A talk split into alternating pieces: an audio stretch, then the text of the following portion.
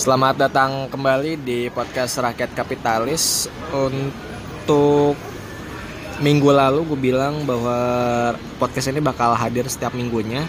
Cuman untuk minggu lalu gue mohon maaf banget um, gak bisa tampil karena ada beberapa kegiatan juga yang di luar yang gak bisa ditinggal. Oleh karena itu gue bisa mulai podcast lagi di minggu ini. Tapi tenang aja, untuk podcast mulai dari episode 2 ini sampai seterusnya, gue bakal ditemenin sama teman-teman gue yang akan juga ngasih opini mengenai pasar modal dan kejadian-kejadian di pasar modal. Jadi podcast ini ya nggak sesepi di episode pertama, kan lebih berwarna karena ada beberapa opini yang bakal tampil di podcast ini. Untuk yang pertama ada teman gue dari salah satu perusahaan aset manajemen uh, namanya Sigma. Terus ada juga uh, Kakak Risa ini juga kerja di aset manajemen. ya pesuruh lah di sana. ya emang iya sih, kan semua buruh. Iya, so, kita semua buruh kapitalis. Ya kita cuman buruhnya doang, cuman adalah sedikit duit buat investasi di pasar modal.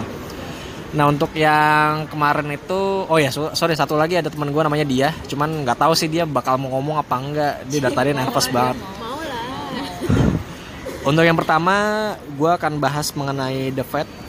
Nah kemarin The Fed itu naikin suku bunga ya. Naikin suku bunganya berapa mak kemarin?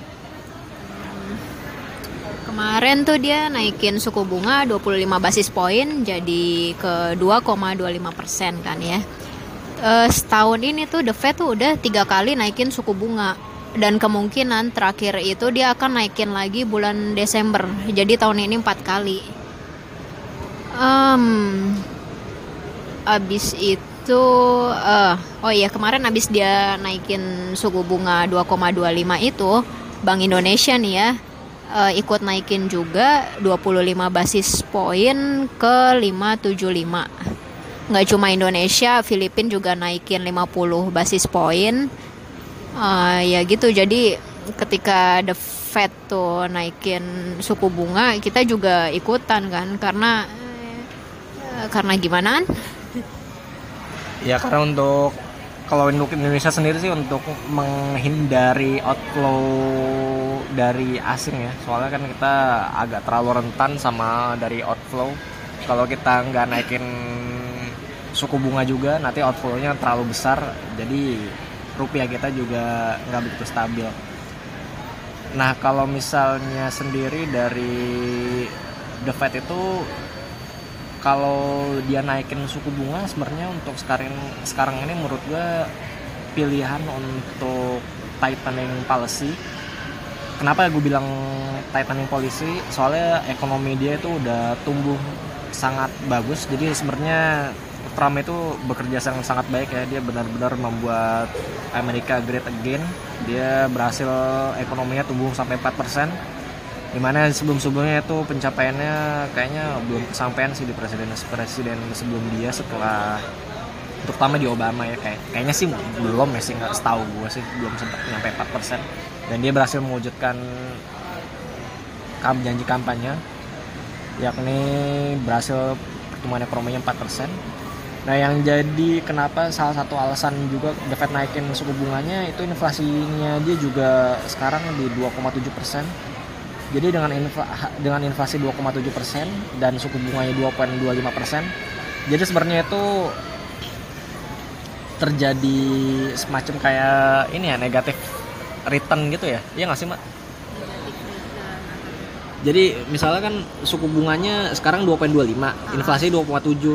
Jadi yeah. ibaratnya uang lu makan lebih banyak daripada uang yang lu tabung. Oh iya iya. Iya kan kayak gitu kan? Uh, Jadi mungkin apa namanya? Kita ada kalau 2,25 sama 2,7 berarti ada selisih sekitar 0,5an ya? 0,5 eh 0,4 sampai 0,5 poin lah ya. Nah, kalau misalnya bedanya segitu itu menurut gue sih kalau untuk selama inflasinya nggak begitu turun banget itu ya kemungkinan bakal dinaikin lagi sih suku bunga the Fed paling nggak sekali lagi lah untuk di tahun ini. Kalau untuk 2019 sendiri kan dia bakal naikin tiga kali ya kalau nggak salah. Jadi kalau untuk 2019 tuh dua- 3,25 ya benar nggak sih? 2019 iya sekitar segitu. Setiga pokoknya tiga kali lagi tahun depan. Terus buat tahun 2020 kalau nggak salah tuh udah tinggal sekali lagi sih naikin Oke. Nah, untuk kita balik lagi ke Indonesia as your for information, untuk Indonesia sendiri itu negara yang paling agresif di Asia Pasifik untuk naikin tingkat suku bunganya. Nomor pertama itu kita, kedua kalau nggak salah Filipina ya. Pokoknya kita itu yang paling agre Iya untuk ASEAN, tapi Asia Pasifik juga kita masuk salah satu yang agresif sih. Salah satunya pun kayaknya sih kalau nggak salah Pakistan deh, gue liat di CNBC kemarin itu juga naikin suku bunganya cukup agresif juga. Jadi ya negara-negara berkembang di Asia ini berlomba-lomba untuk menahan laju hot money-nya agar tetap stay di sini sih, kalau menurut gue. Nah dengan suku bunga naik 2.25 untuk The Fed dan BI juga naikin 5.75 untuk dari saham sektor yang terpengaruh itu adalah kemungkinan sih perbankan dan properti ya. Kalau untuk perbankan sendiri sih sejauh ini sih ya emang udah turun cukup dalam ya untuk secara performance dari year to date sendiri udah cukup dalam turunnya. Jadi sih kalau misalnya untuk turun lagi mungkin udah terbatas dan dari segi kinerjanya sendiri pun saat ini masih belum ada masalah ya. Paling kok kok biasanya kalau ada masalah tuh apa sih biasanya? Ah, mungkin investor tuh lebih khawatir kena cost of fund-nya dia. Kalau suku bunga naik kan berarti tingkat bunga pinjaman dia kan juga bakal dinaikin juga biasanya. Eh, maksudnya bunga yang dikasih ke nasabah akan lebih tinggi, sedangkan land lending lending rate-nya itu nggak bisa sembarangan dia naikin gitu. Jadi makanya eh, apa tuh selisih antara fund sama bunga yang dia dapetin jadi tipis net marginnya dia tipis sih Iya nipisin net margin doang ya berarti ya. Nah kalau misalnya dari segi valuasi sih ya udah murah banget sebenarnya ya. Kan dari awal tahun udah turun banyak juga ya. Jadi kalau untuk sektor perbankan tahun depan sih untuk akhir sampai akhir tahun ini sih kemungkinan masih gue sih optimis bakal rebound sih kalau untuk dari sektor sektor perbankan. Kalau untuk dari properti sendiri sih menurut gue ya agak susah kayaknya menurut gue sih agak susah sih properti karena masa-masa boomingnya tuh udah bisa dibilang sih udah lewat ya. Eh, demandnya tuh nggak sebesar ya tahun-tahun berapa ya? Booming tuh 2013. sekitar 2012-13 ya. Ah. udah nggak kayak gitu lagi. Soalnya rumah yang dijual sekarang itu harganya sekitar satu miliar ke atas. Dan gue jujur aja gue belum sempat beli rumah. Gue juga nggak sanggup beli rumah dengan harga segitu. Ya untuk yang umur masih 25 sampai 30 itu kalau untuk beli rumah dengan harga segitu sih ju- jujur aja cukup berat nah makanya kalaupun rumah dijual yang di harga 1 miliar ke bawah nah itu kemungkinan masih ada di mana lah Makanya kalau untuk yang pengembang besar yang harga rumahnya satu miliar ke atas itu yang justru mereka yang ibaratnya kinerjanya nggak terlalu bagus itu menurut gue sih gitu. Kalau yang developer-developer yang kecil yang nggak begitu terkenal justru itu kinerjanya lumayan soalnya dia jual rumah tuh kisarannya harganya nggak terlalu tinggi masih satu miliar ke bawah cuman ya 500 sampai 800 jutaan lah kalau untuk dari harga rumahnya sendiri. Nah selanjutnya kalau kita bahas ke perbankan lagi untuk deposito ini gimana deh?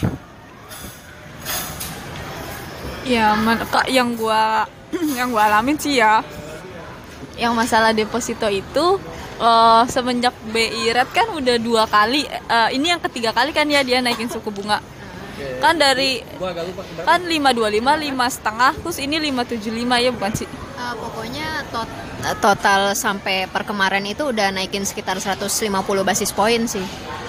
Jadi berapa tuh 575?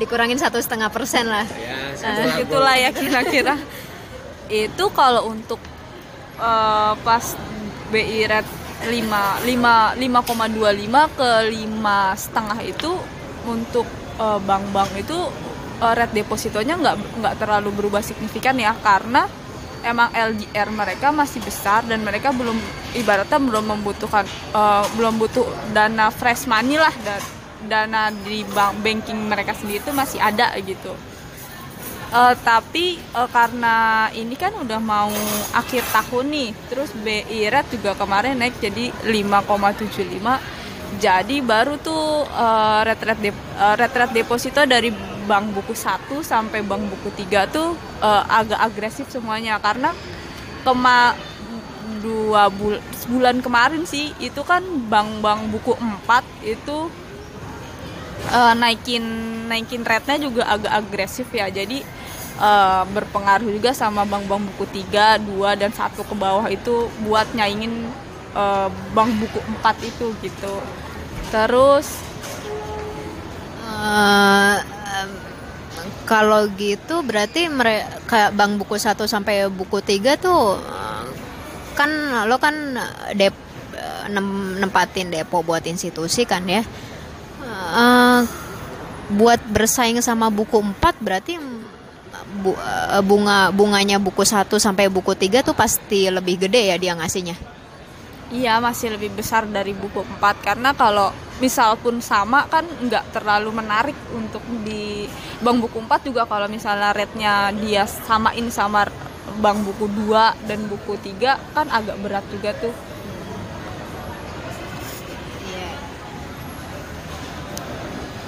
Jadi sampai mana tadi? Mohon maaf gue agak-agak menyimak, sorry ya. ya pokoknya tadi kita lagi ngomongin bu bank buku 1 sampai buku 3 nih yang kemungkinan sih bakal lebih terkena dampak gede dari kenaikan bunga gitu. Mereka tuh pasti akhir tahun gitu.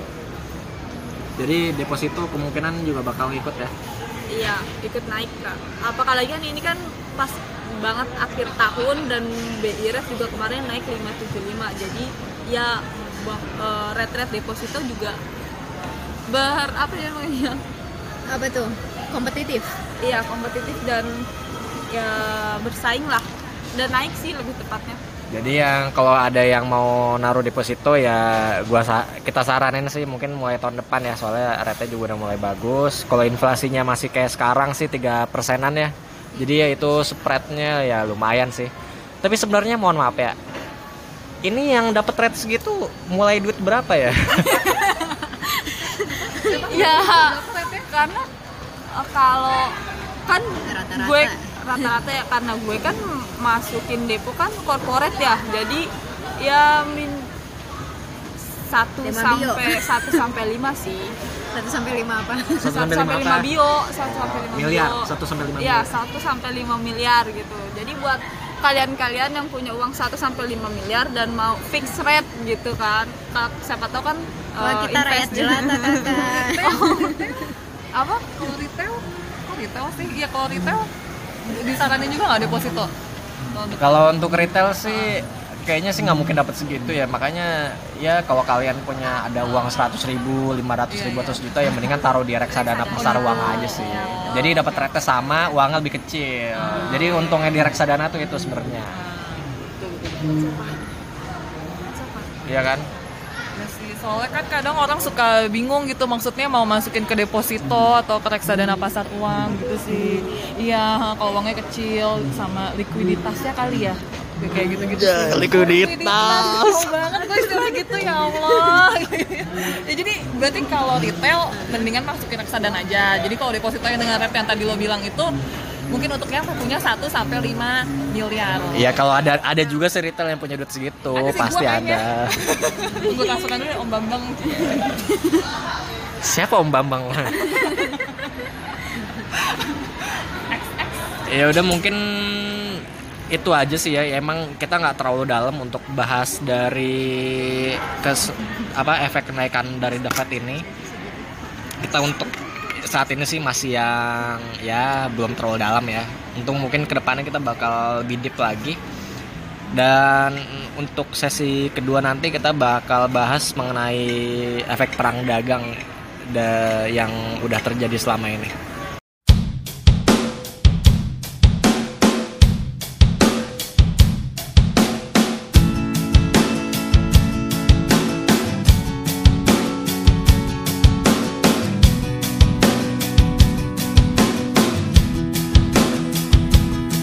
Oke, kita mulai untuk sesi 2 kali ini kita bahas mengenai dampak dari trade war atau perang dagang yang dilakukan oleh Amerika Serikat terhadap Cina dan negara-negara lainnya ya. Dia juga melakukan perang dagang ke negara-negara lain juga. Jadi sebelum kita ke sana bakal gue jelasin dulu apa itu trade war. Kalau untuk trade war sendiri itu adalah ketika negara mencoba untuk menyerang perdagangan negara lain dengan pajak dan kuota. Jadi si misalnya si US naikin pajak sama pajak dari barangnya negara Cina misalnya eh, produk-produk komoditasnya. Kalau misalnya ngimpor ke si Amerika ngimpor dari Cina itu pajaknya di, ditingkatin dari yang sebelumnya. Nah, untuk satu negara akan menaikkan tarif dan sejenis pajak itu pihak lain juga pasti bakal ngebalesnya dengan tindakan yang serupa. Nah, inilah yang dibilang sebagai perang dagang. Jadi, secara teori itu barang yang masuk ke negara itu berarti orang tidak membelinya karena harganya menjadi lebih mahal. Nah, untuk selanjutnya kenapa Trump melakukan ini tuh gimana menurut lo, Mak? Jadi sebenarnya Trump tuh nuduh gimana ya bukan nuduh sih. Jadi Trump itu mulai mem America Great Again. ya? Iya, make America great again. Jadi sebelumnya Trump itu memberlakukan tarif ini setelah menyelesaikan penyidikan atas beberapa praktik perdagangan Cina yang kontroversial kan. Jadi AS itu mau menghukum Cina karena melakukan eh, apa namanya? Dia Cina itu seperti memaksa eh, bisnis asing bisnis asing bisnis asing yang apa namanya yang berjalan di Cina itu untuk menyerahkan teknologi mereka gitu ke perusahaan-perusahaan Cina sebagai ganti untuk dibukanya akses ke pasar Cina. Jadi istilahnya mungkin kayak eh, Cina mengkopi teknologi dari US sih gitu sebenarnya awal mulanya perdaga apa trade war ini gitu. Tapi emang si apa neraca perdagangan US sama Cina emang si US-nya negatif sih setahu gua. Jadi ya kalau dia mau ngurang dia narif ya apa ngenain kuota sama tarif itu ya dia mungkin untuk ya gimana ya untuk memperkecil defisit perdagangan dia sama si Cina sih kalau gua rasa sih. Nah sebenarnya sih apakah benar untuk defisit perdagangan di Amerika Serikat itu sendiri?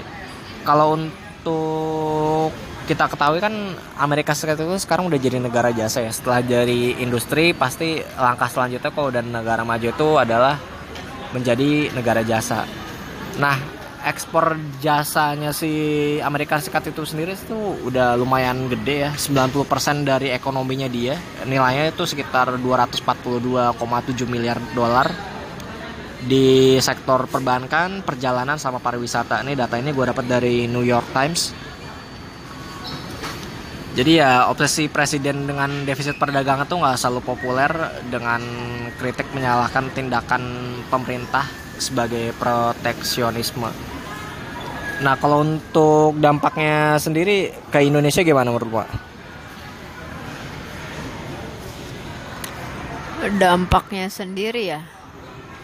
eh mungkin sih nggak terlalu nggak terlalu besar. Cuma pemerintah tuh mengantisipasi eh, menaikkan tarif pajak impor. Kenapa? Karena kan Cina nih eh, dia barang-barang dia kan ada beberapa yang udah eh, udah mahal gitu di kalau mau diekspor ke US.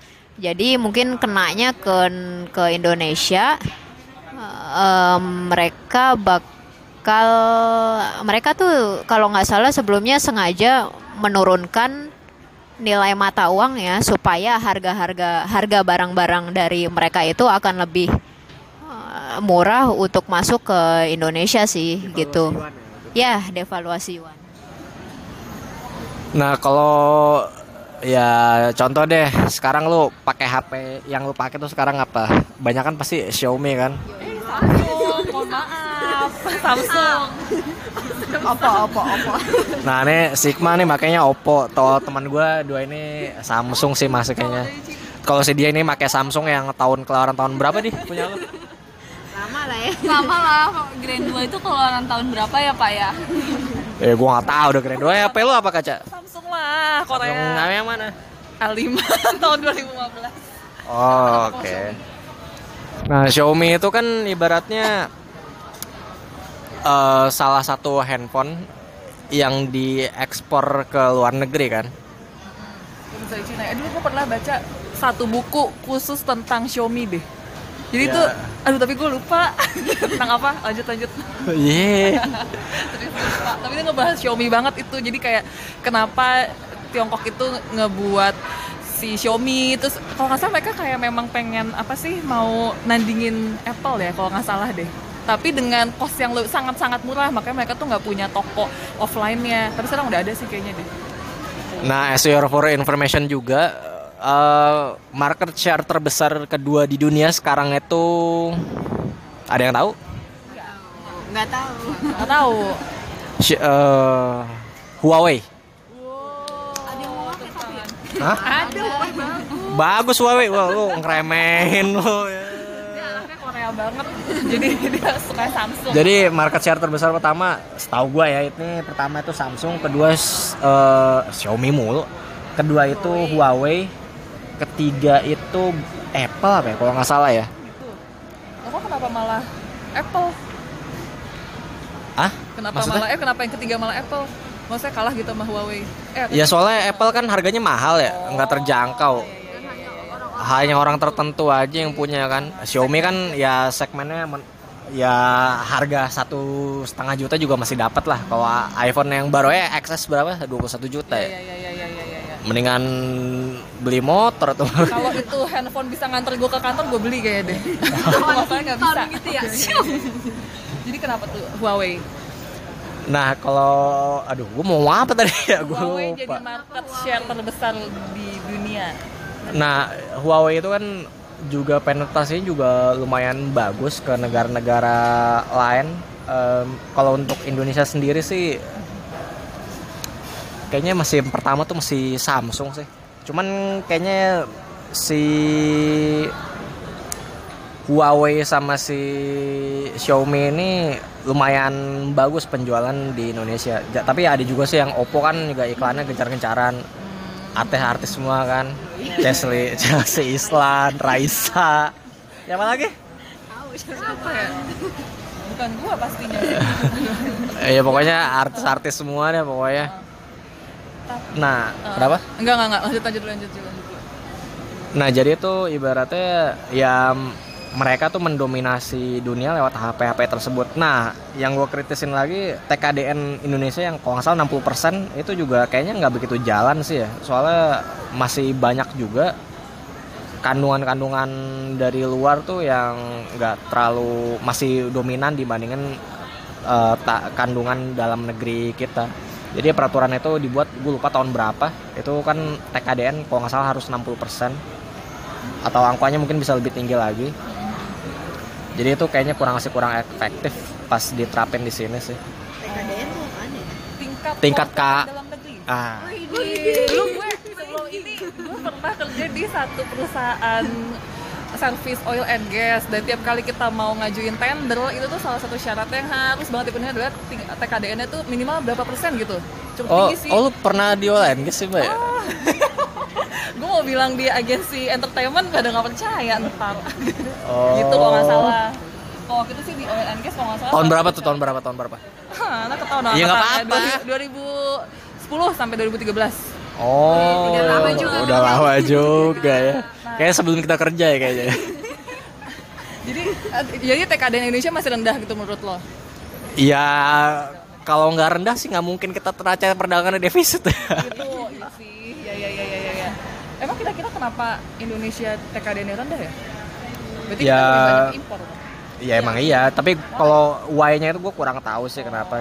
Kemungkinan sih teknologi ada be- beberapa teknologi yang belum bisa kita transfer ke sini sih.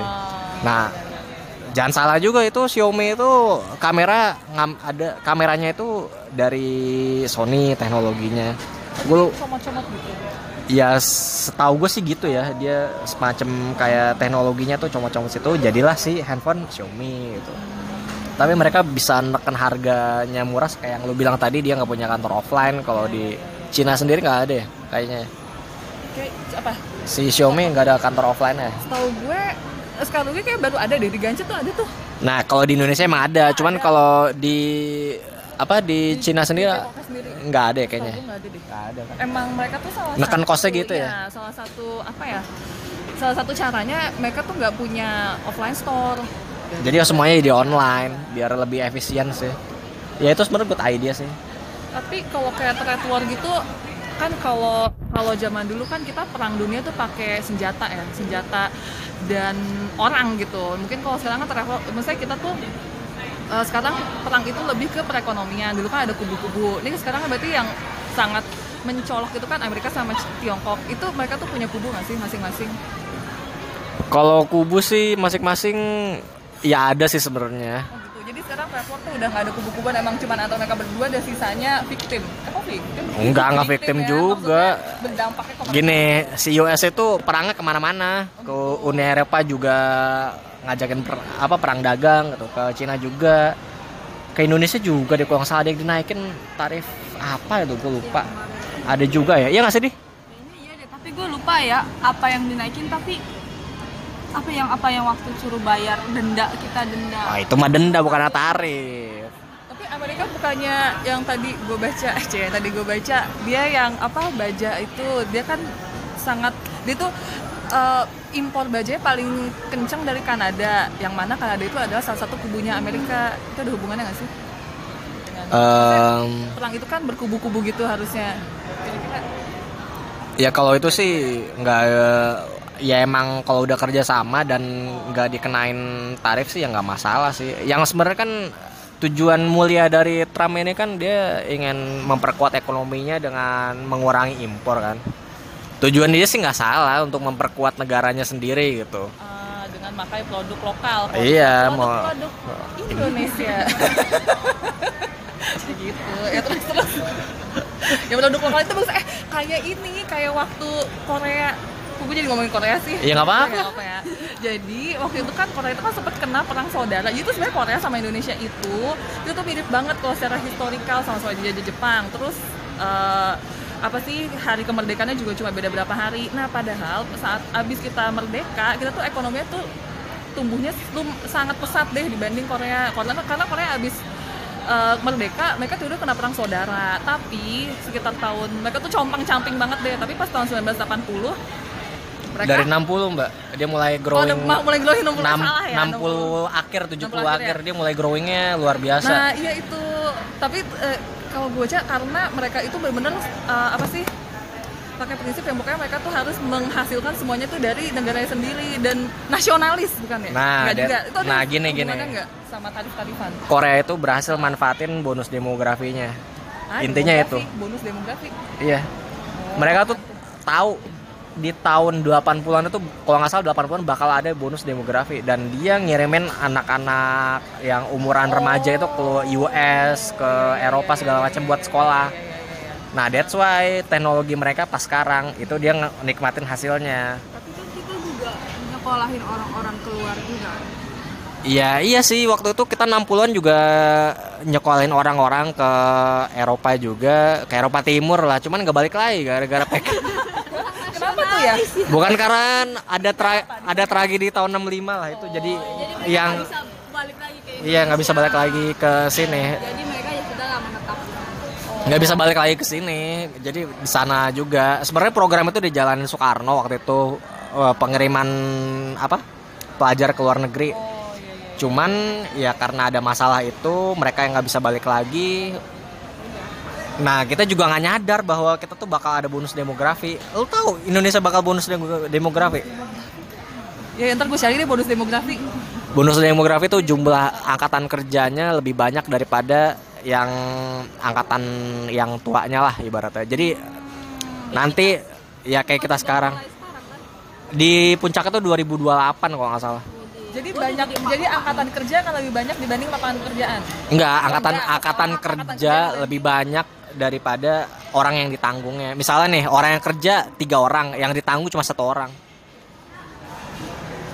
Nah, repotnya kalau kita nggak kalau kita pada saat 2028, kalau nggak salah 2028 ya, 2028 itu angkatan kerja kita banyak dan lapangan pekerjaan yang nggak ada. Iya, banyak lah ada metro mini preman bakal penuh lagi nanti. Banyak kriminalitas. Iya, makanya ya itu makanya kalau kita nggak bisa manfaatin dari bonus demografi itu jadi apa ya kayak semba- senjata makan tuan buat Iya, kita iya. sendiri Oh, ini Balik ke trapor. kreator jadi kayak bonus Iya, demografi iya, jadi balik ke triathlon. Jadi ke- jadi kira-kira ke Indonesia itu efeknya adalah efeknya adalah kalau misalnya Cina nggak bisa ngekspor ke Amerika Serikat itu kemungkinan barangnya bakal dilempar ke Indonesia intinya ya secara kasar sih kayak gitu buat kita enggak juga ya. Oh, kita jadi banyak impor ya. Iya kita banyak impornya. Terat apa neraca perdagangan kita kan udah negatif. Kalau dia banjirin lesin lagi ya matanya negatif. Peniti aja kita ngimpor dari iya. Kalau yang Alibaba Alibaba itu dia katanya ngomong-ngomong udah mulai masuk ke dalam e-commerce e-commerce di Indonesia kayak sebenarnya Tokopedia, Shopee gitu-gitu. Iya dia investasi itu mah biasa sih. Kalau investasi kayak gitu semua juga boleh invest lah kalau kayak gitu-gitu. Tapi kalau misalnya dia lama menguasai Indonesia enggak juga ya? Enggak juga ya? Eh gue nanya doang loh. Kayak Enggak lah, enggak. Oppo yang kenapa selalu berantem pada sebenarnya mereka Ya bener Vivo Oppo selalu berantem pada sebenarnya mereka punya satu kepemilikan Maskotnya ya? juga ya. Kepemilikan Ya, lu ada nyadar gak sih Vivo sama Oppo, apa Vivo sama Oppo kan biru sama hijau ya? Sama kayak Traveloka sama Gojek kan biru hijau juga kan? Warnanya sama doang. Iya, gue pikir kenapa? Itu sejarahnya Iya Pemuda apa yang invest investornya mungkin sama kali nggak tahu juga sih. gitu. Jadi di Indonesia Kalau dampaknya untuk Indonesia sih menurut gua ya nggak terlalu untuk sekarang sih untuk sekarang sih belum terlalu signifikan. Untuk sampai sekarang. Dan kita juga lagi masih ngatasin neraca perdagangan kita yang negatif beberapa kebijakan juga udah mulai dikeluarin Kalau untuk negara-negara lain Hah? Untuk negara-negara lain Negara ada lain-? Maksudnya sobat-sobat mereka, sobat-sobat terdekat Ya itu Turki, Turki kan kita, ya. lagi tuh dikenain tarif itu kan apa? Itu juga ngaruh ke dia kan. Impor apa ekspornya dia jadi terhambat, mata uangnya juga jadi apa melemah. Impornya juga lebih banyak, trade apa neraca perdagangannya juga trade apa nera- defisit neraca perdagangannya juga jadi lebih lebar daripada sebelumnya. Ngaruhnya sih itu sih. Jadi ya mungkin itu aja dulu untuk yang trade war-nya. Untuk yang sesi terakhir atau sesi 3 kita bakal bahas mengenai market preview seminggu ke depan.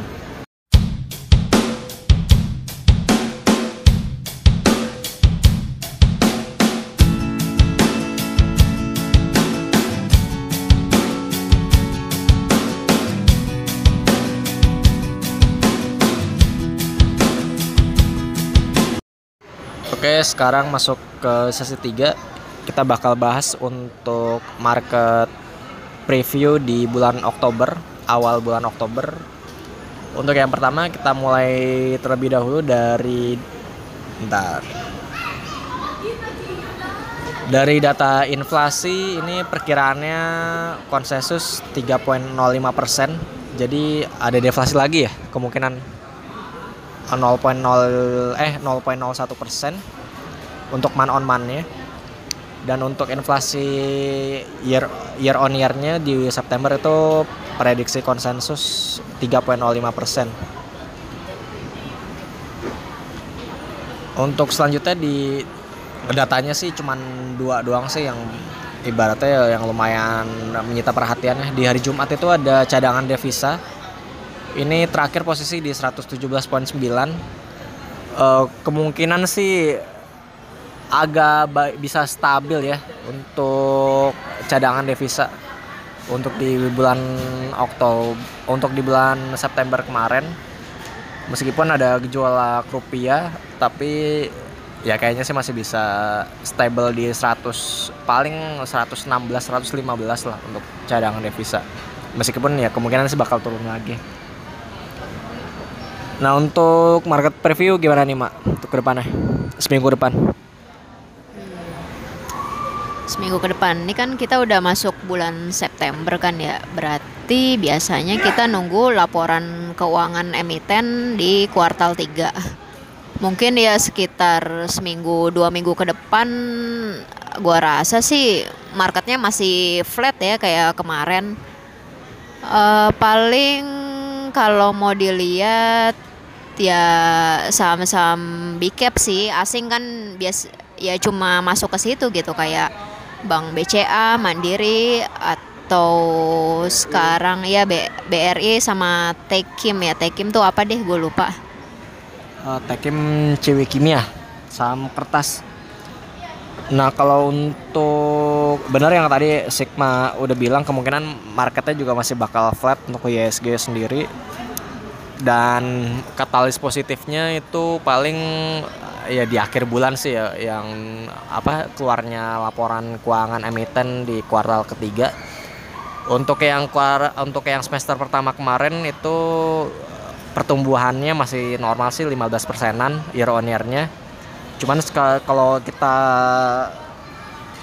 bandingin secara weighted average itu pertumbuhan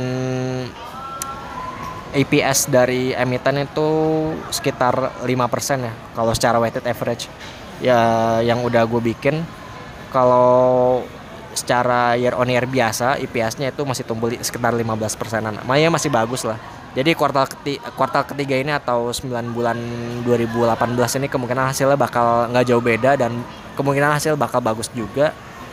Bank juga kemungkinan masih bakal bagus. Sektor lain yang kayaknya yang masih agak kurang mungkin kali ya ya properti mungkin ya. Kalau consumer gimana? Consumer. Consumer oh mungkin kon- consumer staples kali ya kayak ICBP atau Indofood sih menurut gue nggak nggak bakalan gede sih ya karena Lebaran udah lewat terus belum ada katalis baru lagi sih. Kemarin aja Indofood itu cuma berani naikin harga apa namanya tepung bogasarinya cuma sekitar 10% itu kecil sih maksudnya dia dia nggak berani naikin banyak karena mungkin ya demandnya takut turun juga gitu itu aja sih paling Ya jadi kalau untuk secara overall minggu depan sih prediksi kita market masih uh, sideways ya. Paling prediksinya ke berapa nih? 6 ribuan ya? 6050 mungkin? Akhir pekan ini, akhir pekan minggu depan maksudnya. Iya, Ya kalau minggu ini sih paling antara 59 sampai 6 ribuan awal lah 6050 mungkin. Ya kecuali dana asingnya terus-terusan masuk kan seminggu kemarin ini dana asing terus masuk ya kalau nggak salah itu lumayan juga sebelumnya jadi inflow-nya lumayan. Ya mudah-mudahan itu terus berlanjut sampai sampai minggu ini dan bahkan sampai minggu-minggu selanjutnya. Soalnya net sale asing kita tuh udah lumayan besar juga 50 triliun kalau nggak salah yang gua lihat datanya. Jadi ya inflow itu perlu masuk lah untuk apa ngedorong saham-saham blue chip kita dan emang saham-saham blue chip kita juga yang khususnya untuk sektor perbankan juga udah cukup murah. Jadi ya gue sih masih optimis kalau untuk sampai akhir tahun ya masih ada rebound lah. Kalau sampai minggu depan ya mungkin masih akan flat. Baiklah mungkin itu aja yang bisa gue sampein untuk podcast minggu ini. Dia Sigma Karisa dan gue undur diri dulu sampai jumpa di minggu depan. Next week mungkin Julio kali ya ada ya namanya. Hari ini bapak itu tidak ada ya. Bapak itu sibuk sekali memang. Oke, sampai jumpa minggu depan.